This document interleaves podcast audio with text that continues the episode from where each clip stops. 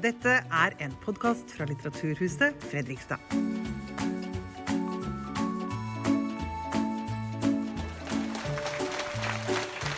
God kveld.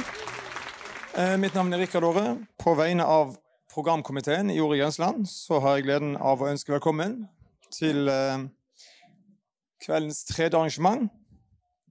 Og her i Fredrikstad så har vi jo ventet lenge på Per Sandberg. Og i kveld er han her endelig, men ikke for å åpne ny pub. Han er her for å snakke med sin gode venn Mimir Kristiansson. Tidligere journalist og hyppig pubgjest. Nå profilert forfatter, Gerhardsen-fan og stortingsrepresentant for partiet Rødt.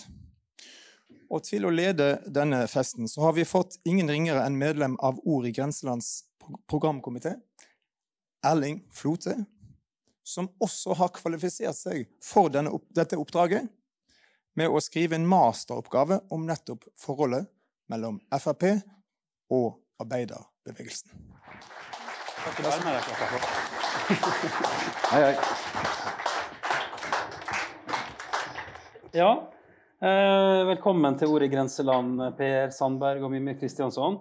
Um, vi har jo tatt utgangspunkt da, i et litt sånn uh, uvanlig vennskapsforhold her. da. Vi skal snakke litt om politisk vennskap. Det er jo stor, ikke til forkleinelse for EP, men stor aldersforskjell. Det En forholdsvis stor aldersforskjell på dere to. Den ene har en lang politisk karriere bak seg. Den andre har en lang Spørs hvor det går med Rødt framover, men lang foran seg. Den ene er rogalending, den andre er trønder. Og så representerer de vel hvert sitt ytterpunkt i norsk politikk. Um, og det er jo en uh, spennende start på et vennskap. Uh, men Per Sandberg, aller først, da. Uh, du har jo vært en ruvende skikkelse i norsk politikk i mange tiår. men får vi se deg igjen tilbake i manesjen, i rikspolitikken? Ja, Det har ikke Mimir og jeg sagt til noen, men vi avtalte inne på Farmen at vi på et eller annet tidspunkt skulle sitte i det samme Stortinget. Så på et eller annet tidspunkt så må vi jo karre oss til det, da, Mimir, Og så når vi får ta i bruk talerstolen mot hverandre der inne. Ja, det blir ikke på samme parti, altså. Nei, det blir ikke på samme parti. Nei, Så stor oppslutning ikke Rødt å få, sånn at vi får inn så mange. Men nei, vi sa det på et eller annet tidspunkt, og det er klart jeg har ikke hatt noe særlig abstinenser siden jeg gikk ut i, fra 2018, men jeg har et jækla godt av det, for å si rett ut. Ja. For det er klart at når du er inne i den politiske bobla i så mange år som jeg var, Mm. så har du større og større utfordringer med å se hva behovene ute i samfunnet er. Mm. Altså, Du distanserer deg sjøl med at du ikke ønsker det. Og jeg tror nok jeg var en av de flinkeste til å være der ute blant folk og næringsliv. Mm. Men allikevel så mister du noe av kontakten med, med, med velgerne og folket. Når du lever så inni denne bobla hele tida, Mm. og er så sterkt styrt av embetsverk osv. Så, videre. så jeg må si at uh, etter jeg gikk ut i 2018 og drev litt pub og drev, holdt litt foredrag og skrevet mye, så hvis jeg kommer, kommer tilbake nå, Mibir, så jeg er en betydelig bedre politiker enn jeg var etter, uh, etter 16 år på Stortinget. Mm. Men du er politisk aktiv fortsatt? Ja da, du, du greier aldri å slippe det. Jeg er opp klokka seks hver morgen og leser alt som finnes av nyheter. Ja. Eh, og, og prøver inni meg sjøl å kommentere det også, men så skriver jeg veldig mye. Mm. Eh, jeg er heldig å få invitasjoner til å skrive kronikker Mm. i landets aviser osv. Så, videre, så jeg får ytra meg, så jeg får ut det meste av både aggresjon og fortvilelse. Og, og selv, men jeg, jeg må si det siste halve året eh, etter pandemien, og litt under pandemien også, men særlig nå da med, med kraftkrisa, eh, prisøkningene, det som folk går i møte nå framover, som vil sannsynligvis bli mye verre enn det vi ser i år. For øvrig ingen overraskelse, Mimir. Jeg sa det til deg ute på backstagen her. Lese den siste perspektivmeldinga fra regjering. Der står det at framtida for det norske samfunnet vil bli helt annerledes. Det blir tøffere og tøffere. Dette handler om at eh, ja, vi er i ferd med å avslutte nachspielet. Nå må vi begynne å rydde opp. Mm. Eh, fordi at vi har levd på litt for mye. Mm. Eh, og staten har kosta på seg altfor store utgifter. Eh, og så kan jeg tillate meg i dag, da, når jeg har meldt meg ut av Frp Mm. og meldt meg inn i liberalistene, så har jeg mye mer frihet. Jeg trenger ikke å tenke så mye verken på embetsverket eller på Siv Jensen eller noen ting. Da kan jeg tillate meg å si det, for det er jo ikke populært, det er ikke populært å si det. Men det norske folk er altså så bortskjemt at dette blir vanskelig å være politiker framover for å få endra dette. Når du hører han her, savner du eh, Per Sandberg i norsk politikk? Ja, det gjør jeg, men ikke pga. dette rælet her. Nei, altså Nei, altså, jeg er jo blant de som mener at det er veldig mange i Norge som ikke er veldig bortskjemte, men det, eh, det, går an å snakke forbi hverandre lett eh, om hvem vi snakker om her òg, altså. Men nei, det som jeg eh, savner med Per Sandberg i norsk politikk, det tror jeg er to ting. For det første så oppdager jeg når jeg kommer på Farmen at jeg tror Per Sandberg har hatt absolutt alle yrker i samfunnet i løpet av livet. Og jobba utrolig mange rare steder. Altså, eh, mange vet jo at du har jobba eh, på en papirfabrikk i, i Skogn, men at du har vært fisker i Danmark, eh, at du har ja, med andre ord, du har masse, masse bakgrunn fra et yrkesliv som stadig færre politikere, og jeg er ikke noe unntak, jeg, har. Det vanligere og vanligere at de som sitter på Stortinget, har noen ikke fullførte grader i statsvitenskap og eh, lang erfaring fra tale- og debatteknikk i ungdomspolitikken. og Det er litt viktig å understreke, det er ikke sånn at alle må på en måte ha vokst opp i en gruve. Det hadde holdt om de bare var lærer, på en måte. Men, men veldig mange har jo ikke hatt et yrke i det hele tatt eh, før de på en måte går inn i det. Og Det blir verre og verre, det problemet. Og det er en av grunnene til at eh, man kunne trengt flere uh, typer som Per. da. Eh, inn i politikken. Det er det ene. Og så er det andre at man blir jo eh, jævlig lei i politikken av disse her, eh, holdt jeg på å si, litt prektige glansbildene. Og altså, en god tommelfingerregel er at hvis du ikke vil gjøre noe feil, så er det lurt å ikke gjøre noe i det hele tatt. Sånn at på en måte i mange politiske partier så skjer det en enorm um, på en måte prosess for å hindre feil. Det kommer flere og flere rådgivere. Det blir mindre og mindre tilgang til at politikerne kan snakke fritt og ærlig. Og pressen er jo på de som hauker, så gjør de en eller annen ubetydelig feil. Som Finlands eh, statsminister nå, danser på et nachspiel. ok? Da er plutselig pressen over hele verden i gang. Så denne jakten på feil er helt ekstrem, og da får du til slutt politikere som er gode til én ting, og det er ikke gjør noe feil. Og det er tilfeldigvis de samme folk som er gode til en annen ting, nemlig å gjøre ingenting. Og, og det, ikke til forkleinelse for deg, men du, du, har gjort mange feil. eh, og, og, det er det man, manko på i norsk politikk, da, egentlig. Folk som, ja. Mm. Jo, men jeg, jeg synes, vet du, Her er vi helt enige. Ja. Uh, og det er klart at, men det er en annen ting norske politikere er veldig gode til i dag også. Det er å legge seg flat. Ja. Altså Legge seg flat fordi at journalistene eller opposisjonen har sagt at de hadde sagt noe feil. Uh, og, og opposisjonen, journalistene, media er inni hodet på politikeren. Du mente egentlig ikke å si det, du mente egentlig å si noe annet. For sånn tolka vi det. Og da legger man seg flat. Jeg syns Fabian Stang sa det på en fantastisk måte her. Han hadde en uh, litt krass kommentar mot Gahr Støre i fjor. Uh, og da var jo hele norsk presse på jakt etter Fabian Stang, for han skulle si, be om unnskyld. Uh, og til slutt så måtte jo Fabian Stang da krype til korset. Men han sa det på denne måten. Jeg ber om unnskyld for at jeg sa det jeg mente. Mm. Og det er klart Vi skulle hatt flere og flere politikere som står oppreist i stormen og står imot. Mm. Eh, og så er jeg, jeg er veldig glad for dette. Altså, ikke, altså, det er mange som sier at hvis jeg summerer opp alle yrkene jeg har hatt, eh, så skulle jeg vært sånn eh, ja, 90 år i hvert fall da. Mm. Eh, men det er klart at erfaringsbasen som jeg har der, ikke, har ikke gjort noe med meg. Jeg er født og oppvokst på Skogn i en fattig familie. Vi var sju søsken. Det var, det var konkurranse om brødet hver dag. Eh, og de aller fleste av oss reiste ut når vi var 14-15 år. Enten fordi vi var lei av husarresten, eller at vi ville gjøre noe sjøl. Eh, Ville nekta resten. Ja, altså, altså, men jeg syns Jan P. Syse også sa, som jeg hadde veldig sansen for, da. han sa det, han sa noe sånt som at vi må være oss sjøl, for alle andre er opptatt. Eh, og, det, og det, jeg syns nå at det begynner å bli sånn vi, vi må bli likeens alle sammen. Og da blir det som Mimir sier, da blir det ikke gjort noen verdens ting. Mm.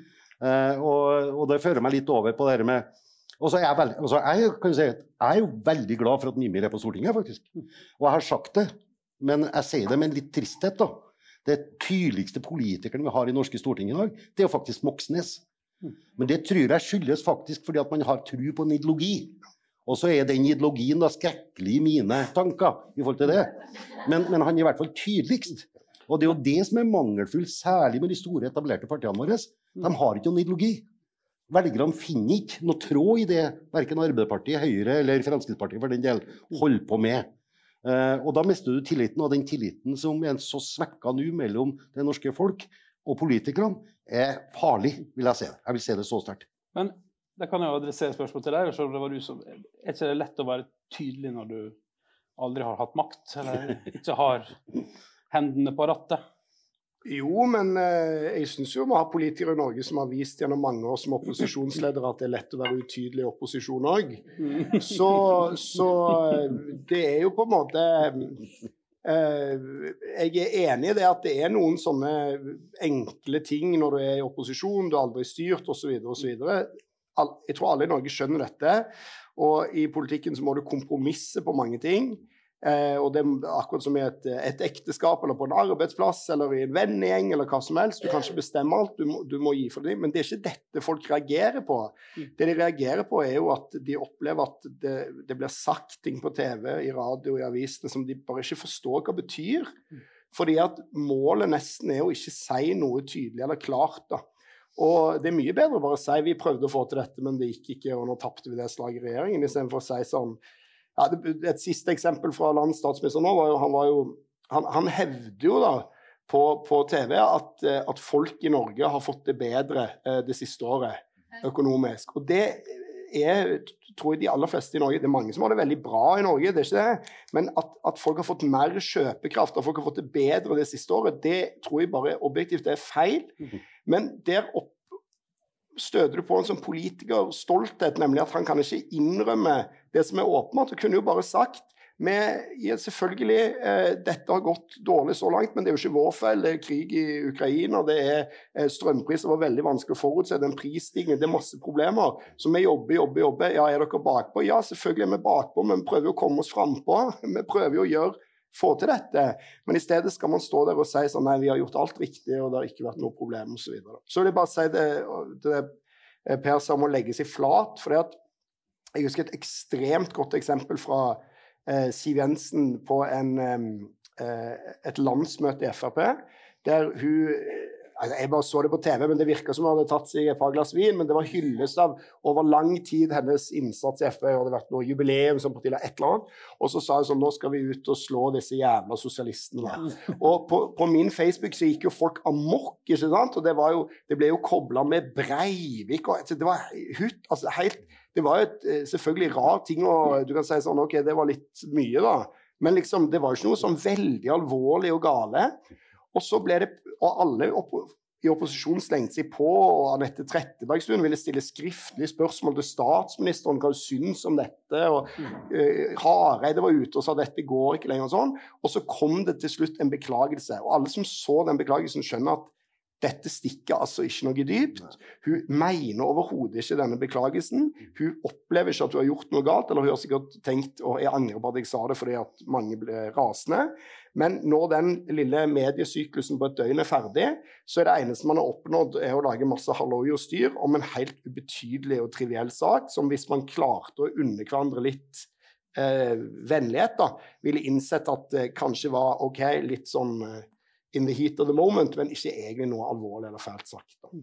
Nei, helt riktig. Og det, og det, tar fokus på det som er den viktigste oppgaven til våre øverste folkevalgte, det å styre. Mm. Eh, og kanskje har de for mye, for mye dødtid på Stortinget i dag. De har overlatt alt til embetsverket og utøvende makt. Sånn at de har ikke noe annet å holde på med enn å granske seg sjøl. Eh, og, og, og, det er altså så mange eksempler på dette. Jeg husker på også dette med Det var vel uh, Sylvi Listhaug, dette med å bære på gullstol. Eh, altså det liksom Det kan tolkes i verste mening. Og de aller fleste tolker det i verste mening. Men alle forstår hva som blir sagt, uh, og sånne ting. Men, men, men tilbake... betyr ikke det som blir sagt, noe, da? Nei, men det er derfor jeg sier at det er litt så trist, for at de legger seg flat. For jeg, jeg, tror at det som blir sagt i første runde av en politiker, det kommer fra hjertet. Mm. Og det er jo der jeg har hatt mye konflikter. da. Ja. Eh, så jeg er, jo, jeg er, jo, litt uenig med deg. Jeg har sittet med handa og begge hendene på rattet, jeg. Men jeg har vært ganske tydelig likevel. Eh, og det er fordi jeg snakker ut ifra hjertet. ikke sant? Mm. Jeg, jeg, kan ikke noe annet. Jeg slutta med å bruke manus jeg i 2001. Siden så har jeg aldri brukt manus, mm. uansett hvilken sak. Mm. Og da er det klart at når du er frittalende og rett fram, sånn som skogningene er. Litt beskjeden trønder i bunnen, selvfølgelig, men ellers er vi litt direkte. Da kommer det noen sånne. Eh, og da når du, er, når du, har temperament i tillegg, mm. så kan det komme noen flere også. Og det er klart at, men, men jeg skrev en lang kronikk i Morgenbladet nå. Jeg ble oppfordra om det. Også, dette med å skrive om å legge seg flat og beklage og unnskylde, betyr det noe? Det betyr jo ingenting lenger. For at sjøl om du beklager og ber om unnskyld, så er det ikke godt nok, sier ekspertene. Eh, så det, det, er jo, det, er jo, forskning på det også, hvordan du skal be om unnskyld. Altså, det betyr jo noe hva Selvfølgelig kan retorikk og hva folk sier bety noe, men det er bare, generelt så er det jo en motvilje mot å tolke meningsmotstandere i beste mening. Mm. Og altså, Det var nylig en skandale skandale med anførselstegn. Hun Tonje Brenna, kunnskapsministeren, hun hadde vært på en intern fest i den Tankespinn Agenda og slått en vits om kongehuset. Ja. Og det var uærbødig, liksom. Og Torbjørn Røe Isaksen Det er en helt absurd skandale, altså, i den grad det var en skandale. Men han hadde vært på en intern fest i Høyre der han kalte quizlaget sitt for Hvit makt. Og det er jo utrolig barnslig. Altså, det er veldig barnslig humor. Men det er ikke en sak i avisen at noen venner er på et quiz, og noen gjør et eller annet. Kalle quizlaget Hvor mange quizlag i Norge har ikke hett Quizlings opp gjennom årene? Altså, det er jo ikke en liksom, Det skal ikke tolkes på den måten, da. Og sånn er det masse sånne. Og dette er avsporinger. Mm. Sånn at alle politiske partier taper på dette. Du tror at du er ovenpå når du tar den andre, men alle taper på det på sikt, fordi politikk blir mindre viktig, og det blir fjas og støy og tull og tøys. Mm. Og så bryr man seg mer om at noen sa et skeivt ord på en dum måte, enn om liksom innholdet i politikk. Og så kan vi gjerne diskutere hvem som drar denne type debatter fram. Mm. Men la meg gå tilbake til 97. Eh, dette i forhold til vennskap på tvers av partilinjene og sånne ting. Vi har jo hatt noen eksempler der at man har gifta seg med hverandre og, og man hadde vennskap. Når jeg kom inn i 97, eh, eh, og jeg satt jo på Stortinget sammen med Halge Langeland fra SV, en fantastisk fyr fra Rogaland. Uh, han redda jo livet mitt uh, i Akersgata en gang, for vi røyka begge to. Så vi gikk ut og røyka, så var det da en som kom og angrep meg med en, en gjenstand. Og Da var det Hagge Langeland som redda meg når vi sto der ute og røyka. Så etter det så ble jeg da uh, yndlingsliberalisten han, og han er da yndlingskommunisten min. Men, men, fra, og nummer to nå, da. Ja, nummer to. nummer to. Men, men, den, men altså, de to første periodene Det har skjedd noe. For de to første periodene på Stortinget så hadde vi også en annen type voteringsstruktur i Stortinget. Mm. Da voterte vi hele natta. Så da måtte alle nesten være til stede. ikke sant? Du hadde debatter langt inn i, i, i natta. Mm. Og da mens du venta på å votere, så satt du ikke i salen. Du satt enten på kontoret, mm. eller jeg husker på mange sommerdager der at man tverrpolitisk satt på taket på Stortinget og drakk rødvin og kosa seg og tøysa og fortalte vitser til hverandre. Og så ringte vakta nede i vandrehallen opp til en av oss utvalgte og sa at nå må de komme og votere.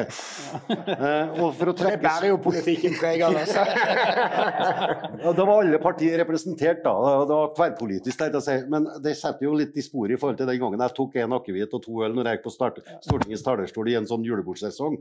Men, altså, men vi var altså, det hadde, Min på, enkle påstand er man hadde betydelig mer respekt for at man hadde ulikt politisk ståsted mm. eh, for ikke så lenge siden. Altså. Så dette med meg og Mimir, at vi kanskje er blitt opphøysa for mye TV2 mm. hadde jo plukka ut oss bare for å få til litt konflikt, selvfølgelig. Ja, fortell litt om den eh, opplevelsen. Nei, nei, jeg har jo spurt dem i ettertid også. at De hadde jo håpa på å få til litt eh, drama da, når vi to var med der. ikke sant? Men drama kom på andre plasser. Drama, kom i, drama kommer alltid fra plasser du ikke forventer det. Eh, og jeg må jo si at den tida på Farmen, og det sa jeg ganske ofte, altså eh, Mimir er jo aldeles hjelpeløs som håndverker.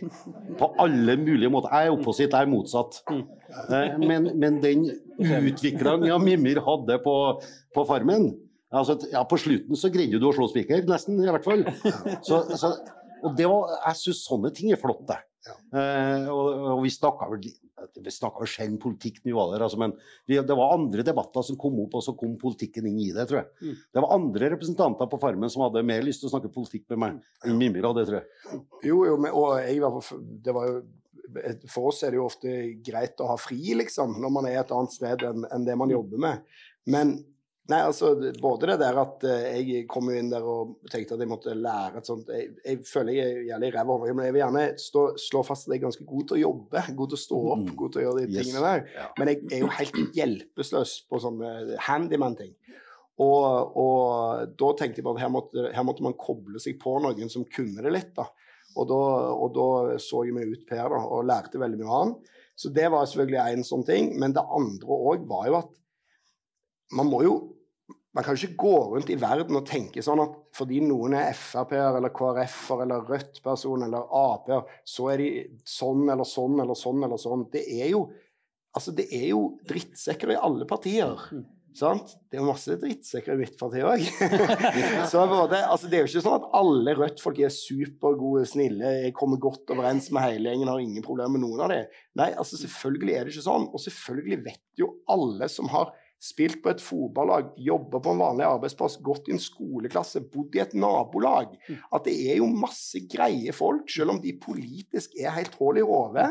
Så kan de ha masse gode egenskaper, være snille, greie, alt mulig. Og da er Det jo også noen sånne, det er fint òg, for det er noen menneskelige kvaliteter som går forbi politikken. Mm. Som er på en måte at du har gode egenskaper som du anerkjenner hos noen, og så er det andre som har andre egenskaper de setter pris på. og sånn. Men det, der, det ville vært utrolig kjedelig verden da, hvis det var sånn at alle vi som mente det samme, vi var de eneste som kunne være venner. da. Og det i hvert fall vært kjedelig sånn som det var for Rødt før, det var 1,2% og begrensa veldig. Så på en måte, man, man, man, må liksom Man må jo klare å tenke folk er folk, da, på en eller annen måte, overalt hvor de er, da. Men hvis du er politisk brennende aktiv, da, og, og kommunist, da, eller fredagskommunist, eller det er fredag i dag. Helge, Helge kommunist. ja. Og da tenker du, så tenker du kanskje at en, en liberalist, eh, hvis han får uh, kloa i makta, så vil samfunnet gå uh, ad undas. Kan han Men altså, altså hvor, ja.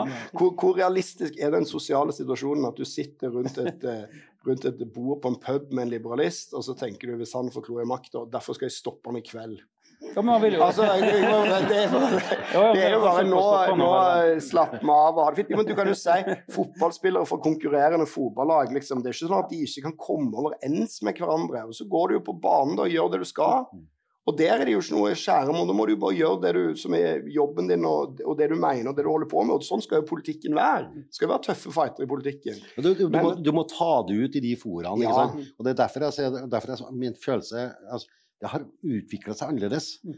Og, uh, Mimmi nevnte jo også et eksempel der at uh, Stortinget blir brukt for å skrive da, spørsmål eller skriftlige spørsmål til statsminister og sånne ting. Jeg, jeg, kan ramse opp en rekke eksempler på at talerstolen i Stortinget, uh, og særlig under muntlig spørretime, der at stortingsrepresentantene har brukt denne talerstolen for å be statsministeren kommentere hva noen andre har sagt fra et annet parti langt oppe i nord, f.eks. Det er sånn misbruk. Og så er, mm. er, det jakten etter person. Uh, for å lage et eksempel ut av det, når jeg var minister, uh, så var det veldig sjelden jeg opplevde å bli omtalt som fiskeriminister eller justisminister. Jeg ble omtalt som Per Sandberg. Mm. Og det var liksom, Alt det du foretok deg som minister, så var det Per Sandberg som hadde utført det. Selv om at det var vedtak i Stortinget og vedtak i regjeringskollegiet. ikke sant? Så det er litt sånn personlig mm. jag mm. også på, på politikerne. Det hvert så mye begynner å bli ganske tøft.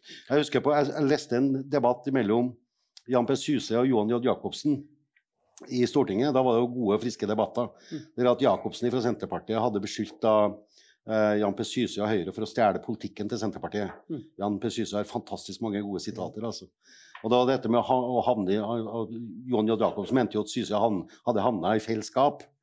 Og da var det Jan P. Syse svarte at ja, det er én ting å havne i feil skap, men Johan Jacobsen er både i feil skap og på feil hylle. Ja. Så, så, så, det er sånn det, Dette med å kunne Og tilbake igjen til Langeland. Og, eh, så var det sånn Vi hadde noe grusomme debatter mm. I Stortinget. Men etterpå så gikk vi ut og tok oss en øl. Men, men du snakker, for Du snakker om fotballag, og du snakker om, men et nært, godt vennskap er jo bygd på litt sånn gjerne like holdninger, kanskje. Tanker om hva som er viktig. Eller, ikke like holdninger, men du må jo respektere hverandre. da. Ja, respekt er noe annet. Ja. Og det er jo det, det, det, det Mimir også vil, uh, ja, Mimir, Jeg syns Mimir forklarer det på en jæklig god måte, for det handler om respekt. Ja. Altså, altså, altså, og helt riktig, drittsekkene er jevnt fordelt, dem. Mm. Over det hele. Mm. Eh, men også så vet jeg ikke du skal henge deg opp i drittsekken heller. For da mister du fokus på den, det du skal gjøre som politiker. Mm. Eh. Jeg vil spørre, for noe, vi, vi, vi, skjønner jo at det vennskapet her, eller eh, forholdet dere er bygd på vi, gjensidig respekt. Men hva ser du for deg Norge med Mimir Kristiansson som statsminister? Ja, som, vet du, ja, helt ærlig, som statsminister så tror jeg Mimir absolutt ikke kanskje i dag, med på et eller annet tidspunkt kan frese på som en statsminister. For en statsminister blir noe helt annet. Eh, og da, da ville vi i hvert fall da ville vi jo fått, da ville vi fått noe folkelig, i hvert fall. da, ikke sant? Selv om at jeg mener at Erna Solberg er sannsynligvis den beste statsministeren vi noensinne har hatt i Norge. Eh, både ut ifra hennes tyngde og kapasitet og kompetanse og alt dette. Politisk tyngde. Men, men, det, men altså, det, er jo, det, det er jo et kollegium alt, ikke sant? Mm. Uh, Mimmi var så vidt inn på dette, hvor vanskelig det er. Vi må forsvare politikerne litt også. Mm. For at når du sitter i konstellasjoner Jeg nevnte dette med når vi gikk inn i regjering første gang med Høyre, så gikk det rimelig greit med to partier. For da var veldig mye forankra i Stortinget. Men så kommer Venstre inn i regjering. Da blir det litt mer komplisert. For da er det tre partier i regjering som skal lage konstellasjoner og løsninger. Og da måtte vi gå litt mindre til Stortinget. Og så, kom, og så skrev jeg en lang kronikk der at jeg advarte på det sterkeste mot at KrF kom inn i regjering.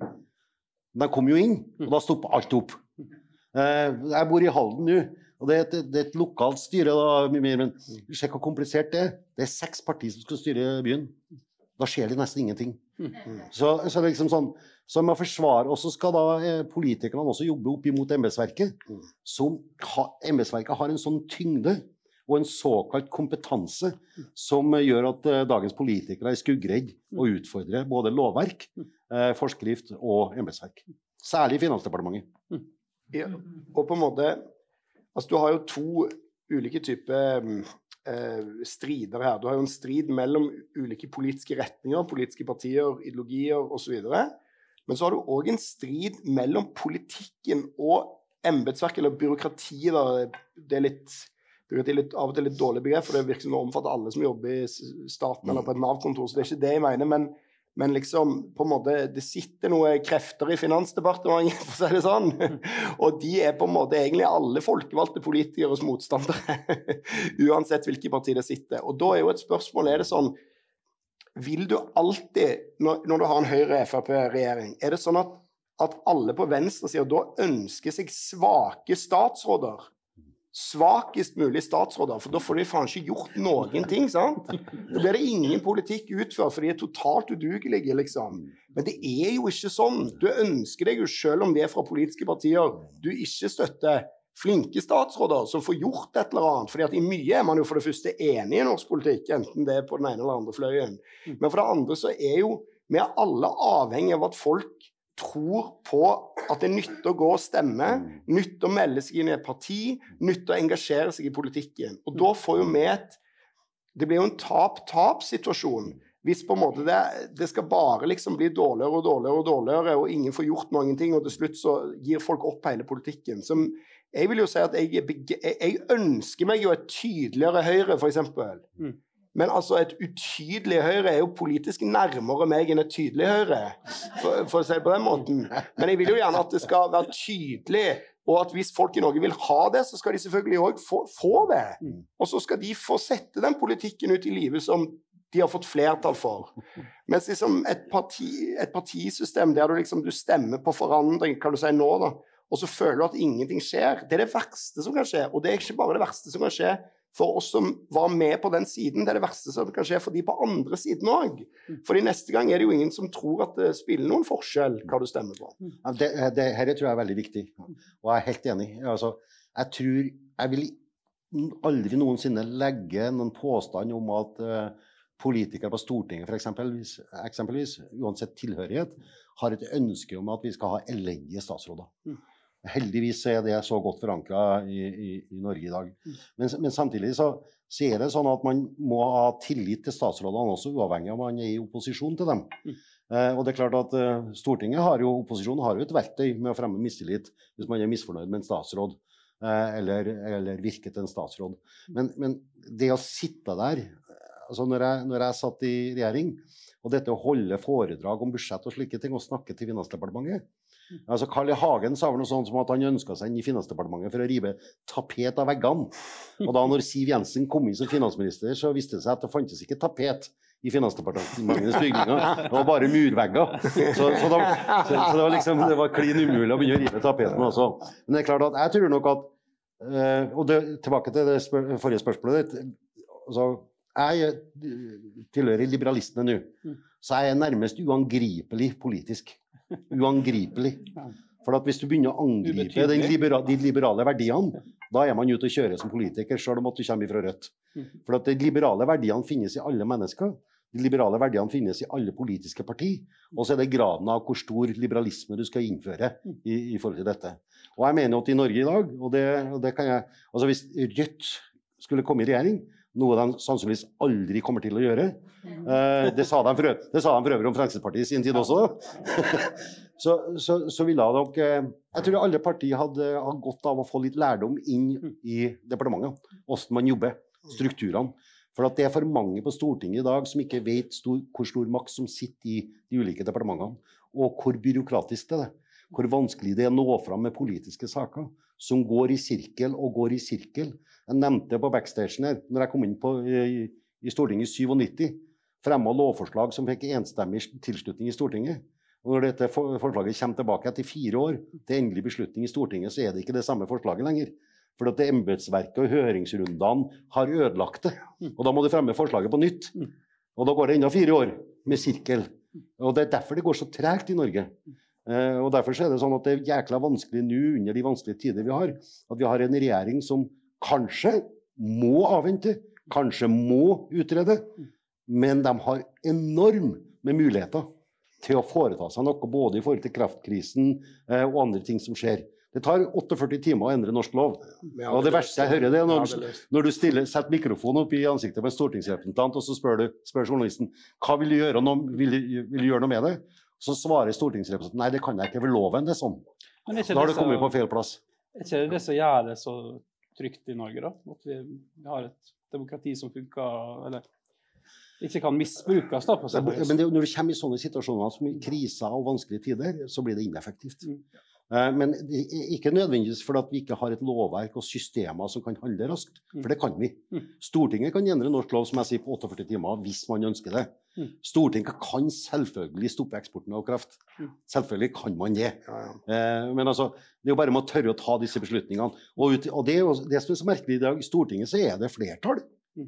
for nettopp å strupe eksporten av kraft. Men de gjør det ikke. Mm. Og da, er spørsmål, da må du sende spørsmålet til Stortinget. Men det er jo det du sier med sånn, er ikke dette som er bra med norsk politikk, at det går litt tregt og alle mulige sånne ting. Altså, det er jo en balanse. så Det er klart at det er jo ofte en god kvalitet. At det ikke bare er sånn OK, da får du inn en regjering, de har et knapt flertall, de gønner på å rive ned alt, kjører på, liksom. Men den motsatte balansen er jo at du ikke kan se forskjell på noen som styrer. Og over tid så flytter man da makt og myndighet fra eh, på en måte stemmeseddelen og inn i eh, lukka rom, der man må være jurist ofte for å skjønne hva som foregår. Og det eh, er på sikt veldig skadelig for demokratiet. Og hvis det er én ting det fostrer, så er det egentlig sånne som oss. Mm Fordi at da får jo folk ikke noe over tid følelse at det betyr noe som helst, og da oppstår det selvfølgelig radikale partier, bevegelser ideer, og man, man må få liksom forandring og gang. da. Mm. Sånn at det er det rareste jeg noensinne hører det når noen av de store etablerte partiene, Høyre, Arbeiderpartiet, de er sånn de, de kjefter jo på at det er så mye populisme og sånn, og nå kommer det populister fra øst og vest og sør og nord og overalt, liksom. Og de har bare enkle løsninger og sånn. Og det er sikkert riktig, det, altså, men grunnen til at det dukker opp populistpartier i Norge, er pga. Høyre og Arbeiderpartiet. Det er ikke fordi at vi er så geniale, liksom. Sant? Sånn at på en måte, Det er jo ikke som om ikke RV og Rødt har prøvd å love folk gull og grønne skoger. Altså, Det har vi gjort alltid. Men det er jo en grunn til at nå har man 10% og for kort tid siden var man 1 Og det er jo fordi at folk føler at veien man er går, da, ikke er god nok. da. Så det er et kor folkelig korrektiv, da, kan man si, til styringspartiet. Det var, eh, du nevnte jo det ordet her nå. Jeg tenkte jeg skulle utfordre dere på noen ord. da. Det var jo populisme, det ene ordet her. Hva, er dere populister? Nei, så mye juling som jeg har fått gjennom 30 år i norsk politikk, så kan jeg umulig beskrives som populist. Mm. Og Er det, en, er det et krav å ikke få juling? Nei, nei, men altså, det er for at du er kontroversiell. Jeg står på mine meninger. Mm. Uh, og det er jo samme med Mimir. Han er- står oppreist. Mm. Har skarpe meninger. Fremmer dem fra Stortinget. Kanskje også uavhengig av hva som Jeg vet ikke hvor sterkt man blir styrt i Rødt eh, i forhold til hva man kan si og sånne ting. Men altså, jeg hadde jo prøver, altså. Masse frie tøyler. Og det er jo det jeg føler i dag, når jeg da representerer liberalistene, så har jeg i hvert fall frie tøyler. Jeg trenger ikke å se meg over skuldra og så se om Siv Jensen står der, eller om Erna Solberg står der. Jeg trenger ikke ta hensyn til partiet eller noen sånne ting. Så det er liksom den friheten til å fremme det du faktisk sitter inne for. Og tro meg, jeg har altså gjennomgående god samvittighet for alt jeg har foretatt meg innenfor norsk politikk. Og jeg står også aldeles fast på det som jeg har gjort og har sagt tidligere. Men, men det, altså, det blir vanskeligere og vanskeligere uh, å være kontroversiell, for det er jo det jeg har vært. Uh, jeg ga et eksempel på det, for at når jeg var på Farmen, så var det en av mine største kritikere, for øvrig fra SV, da, som sendte meg en mail etterpå. Han har sittet i tolv år sammen med meg i komité på Stortinget. Og Så sender han meg en mail, og så sier han etter han har sett på Farmen, så sier han Per Sandberg, jeg visste ikke at du hadde hjerte. Uh, og, så, og det er klart, Da måtte jeg jo bare svare at det ville jeg ha meg frabedt. Eh, for jeg ville ikke rive ned imaget mitt. Men, men det at du blir kalt kontroversiell eller aggressiv for at du faktisk står fast og tror på noe eh, altså Nelson Mandela sa det ganske ty så tydelig, du sa det andre, med andre ord nå, Mimir. Altså, Suksess kommer ikke ut av at du aldri har falt. Suksess kommer ut av at du har reist deg for hver gang du har falt. Ikke sant? Og det er jo der jeg føler at jeg har vært hele tida.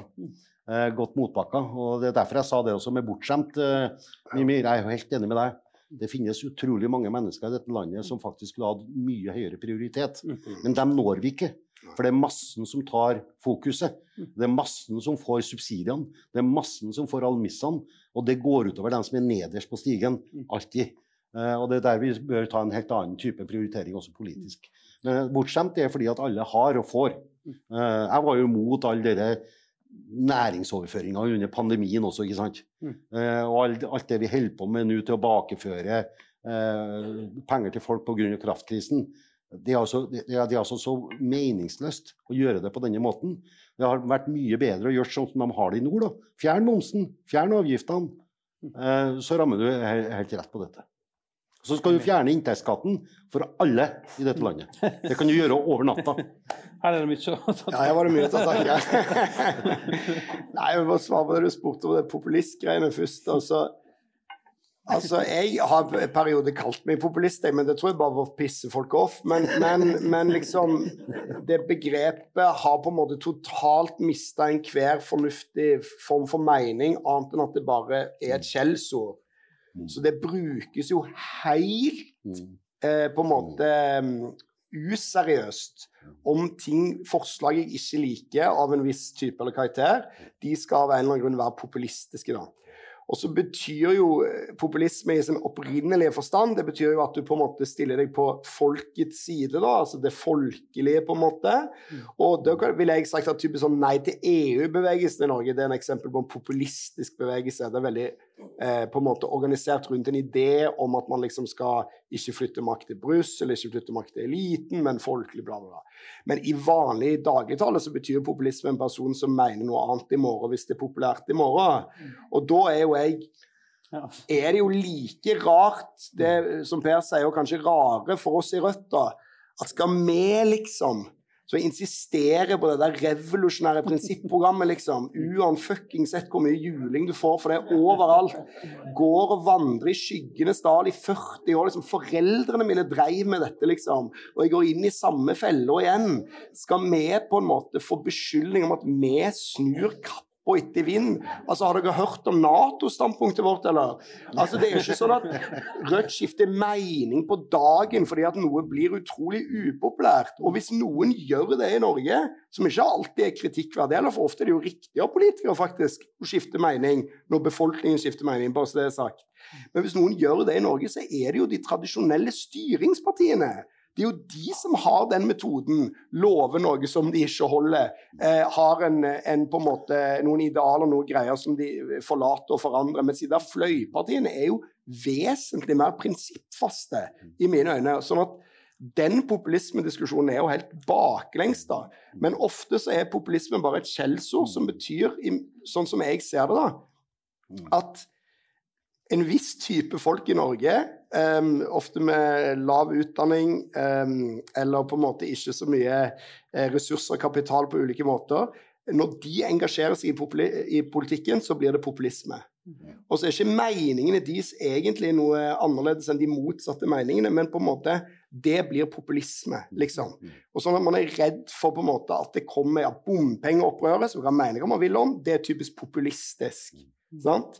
Mens det, mens det er ikke noe egentlig forklaring på dette, annet enn at liksom det er en viss type mennesker som på en måte står for det, da. Nei, altså, mye enig. Altså, og det, det er nesten sånn ko- kokes ned til at hvis du har prinsipper i norsk politikk, så er du populist. Mm. Eh, og uten sammenligning for øvrig, du kan se hvordan det går med Senterpartiet nå. Og så kan man, kan man tenke på det som Vedum og Senterpartiet gjorde før valget. Jeg er jo rimelig sikker på at Senterpartiet og Vedum mente alt det de sa før valget. Og så, så kommer de i en situasjon der at man ikke greier å gjennomføre av ulike årsaker, konstellasjoner politisk, Mm. men også da ulike ting som skjer eksternt. Og så blir man da i dag kalt og sagt at alt det de drev med på med før valget, det var populisme. Mm. Men det er rimelig simpelt, de mente det. De sto på det. men De får det ikke til. Det samme med Fremskrittspartiet. Når vi kom inn i regjering, særlig på bompenger. Vi lovte at vi skulle fjerne alle bompengene. Hadde ikke mulighet til å gjøre det. Og da ble liksom det, det vi gjorde i valgkampen, det var populisme. Nå er, nå er, nå er Fremskrittspartiet på samme, i samme situasjon igjen. Lover og lover og lover og lover. De mener det. Og det er gjennomførbart også, selv om det kan få uante konsekvenser for økonomien og sånne ting. Men altså, de mener det. De mener det, opprinnelig talt. Og, så kommer, og, og det blir en ny regjering ved neste korsvei. Hvis Frp kommer inn da, så får de samme smell som Senterpartiet får nå. Ja, nei, det med Senterpartiet er egentlig et utrolig godt eksempel. fordi at nå har jo kommentatorene i Norge slutta å kalle Senterpartiet for populister, nå som de har skifta mening. Sant? Mens før valget ble de jo kalt populister hele tiden. Men da sto de jo ennå for det de mente. Og så etter valget så har jo på en måte Vedum skifta rolle, og nå er det jo ingen som kaller han populist lenger. Nei. Og det er jo egentlig nå han da ville vært populist, hvis det skal bety at du skifter mening med jevne mellomrom. Men nå gjør han det som byråkratene vil, og det er ikke populisme.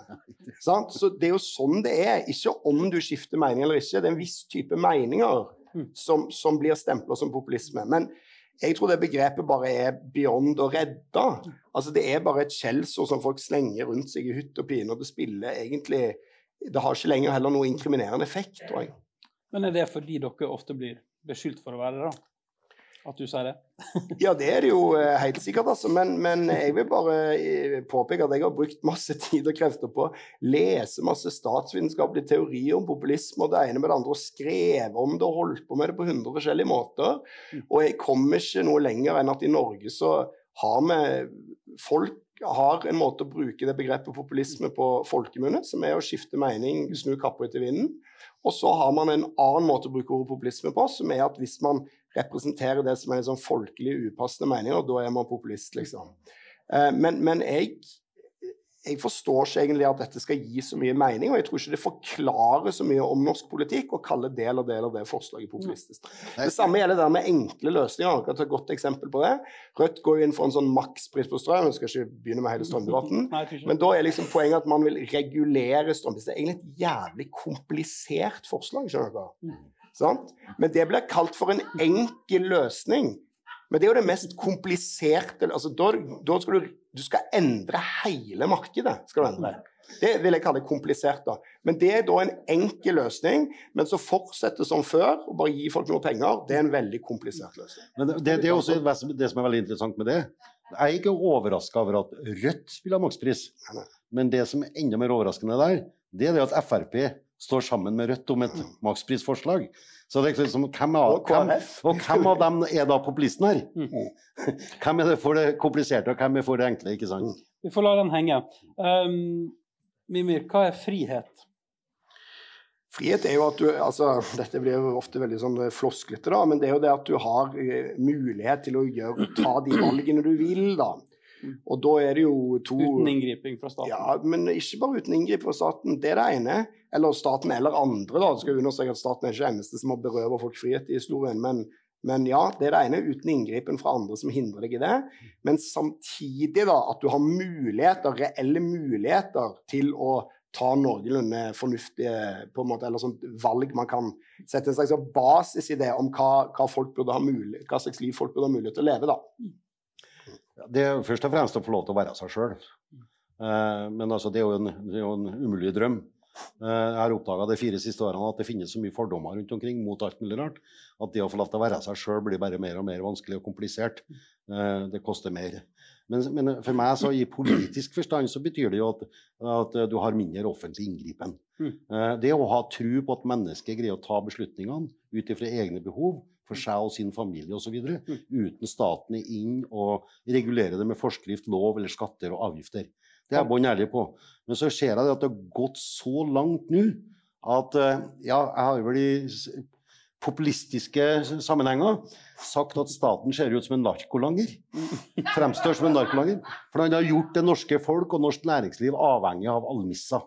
Så det vil ta lang tid å endre dette. Det er dette som ligger både i Brochmann-utvalgets utredning og perspektivmeldingene.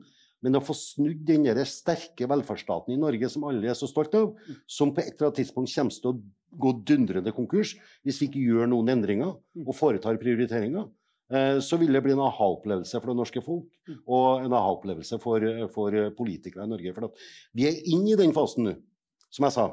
Nachspielet er snart slutt. Nå skal vi begynne å rydde. Ja, da er det oss. Hva, hva skal vi gjøre da, Mimir? For faktisk å skjerme og ivareta dem som faktisk allerede er nederst på stigen, når den herre tsunamien kommer innover oss nå de fire-fem neste årene. Nå har jeg aldri utmerka meg som en som har gått først hjem fra nachspiel, altså bare så det er sagt. Men, men eh, fra spøk til alvor så er vel egentlig Her er det jo en grunnleggende uenighet på en måte mellom oss om Fordi festen i, i det private fortsetter jo som bare det, den. Sånn at det er jo børsrekord på børsrekord, eh, hyttemarkedet går som aldri før, den type ting. Jo, i deler av det private så gjør det det. Og også de perspektivmeldingene anslår at det norske forbruket skal øke veldig kraftig, det private konsumet. Eh, og så er vi i en situasjon nå som ikke er sånn, men dette er fram mot 2060. Sånn at det er jo også dypest sett politikk, prioriteringsspørsmål. Og hvis vi skal ta det der frihetsbiten, så er det jo sånn at du kan si sånn, Hvis mennesker bare liksom er alle helt eh, like og frie i verden i utgangspunktet, så kommer staten inn og griper inn og ødelegger. Men det er ikke sånn det er. Det er masse ufrihet i utgangspunktet, og en del av den ufriheten prøver staten å rydde opp i, eller demokratiet, da, som er en annen måte å si staten på i vårt land. Og det er jo eh, noe av det vellykka, noe av det ikke vellykka, og, og sånn. Men eh, det er jo ikke sånn at samfunn med svak eh, stat, da, USA, eller USA har jo veldig sterk militær stat, kanskje, men svak velferdsstat, da. Eh, det er jo ikke mer frihet for en mor som får barn i USA. Du har null, null foreldrepermisjon. Da er jo friheten din ekstremt begrensa. Du har ingen rett på ferie i arbeidslivet lov, lovmessig. Da er friheten din ekstremt begrensa. Sånn at staten må jo være der for å sikre folk frihet, fordi at vi begynner ikke på en sånn Eh, vi begynner ikke på scratch eh, alle sammen, vi begynner på et veldig urettferdig Ja, sted. det, det, det jo det her kommer de ja. uenighetene inn. ikke sant? Vi, eh, Og så vet jeg jo det, Mimir, at Gerhardsen er en av dine sterkeste forbilder politisk. Og Einar Gerhardsen sa noe veldig, han gjorde veldig mye bra. Men han sa noe på et eller annet tidspunkt, nå hadde jo han en fordel med liksom litt kald, kald fiende rundt seg. Men den dagen staten har mer enn 51% andel av bruttonasjonalproduktet, så har du ren kommunisme. Og det er jeg helt enig med ham i. Nå har staten i Norge en andel av nasjonalproduktet på 66% Til og med under borg, eh, borgerlig regjering så øka statens andel av bruttonasjonalproduktet. Det er derav man må se på dette med friheten for enkeltmennesket. Så står det fritt til å tegne Og jeg mener frihet det handler også om at når man skal ta ansvar sjøl. Og ikke overlate til andre å ta- dette ansvaret. Og Mimir og har en følelse av at er politikeren der, da, du overlater mer av det, ditt eget ansvar til andre. Og så da når du har overlatt dette ansvaret til andre, så blir du misfornøyd. For at politikere greier aldri å treffe behovet til næringsliv og, og folk uansett. Og det ser vi et resultat av nå. Og da er tida der, og dette her kunne vi jo diskutert lenge, og det kanskje blir en eh, diskusjon for, en, på for neste festival. Jeg har, fortsatt, fortsatt tre øl, islandske Ja, øl, stående. Ja, i om. Jeg Granvar. leste i Posten at du hadde tre øl Ja. øl stående. Det, jeg skulle spørre om han hadde vært her og drukket det. Nei, nei, jeg skal eh, komme. Men snart. nå skal jeg jo på puben din i kveld, da, her i Fredrikstad. Etter hvert. Må jo komme innom. I hallen. I Halden, for du skal hjem til Ja, Halden, hallen. Ja, ja. Ja, Nei. Nei, jeg har, ikke, fått- jeg har ikke fått åpna i Ja, Fredrikstad. nei, ok. Jeg trodde det var her du skulle Nei, I Fredrikstad lever, lever man Nei, i spenning. Det, det ble for langt. Vi har i hvert fall avdekka masse som forener dere. da. Vi visste jo kanskje hva som splitta og sånn, men eh, åpenbart et eh, godt vennskap. Tusen hjertelig takk for samtalen. Takk for det. Du har hørt en podkast fra Litteraturhuset Fredrikstad. Vi er støttet av Kulturrådet, Fritt Ord, Fredrikstad kommune, Fredriksborg eiendom, Viken fylkeskommune, Sparebank1 Østfold Akershus, Verksted AS, Fredrikstad Energi og Handelsbanken.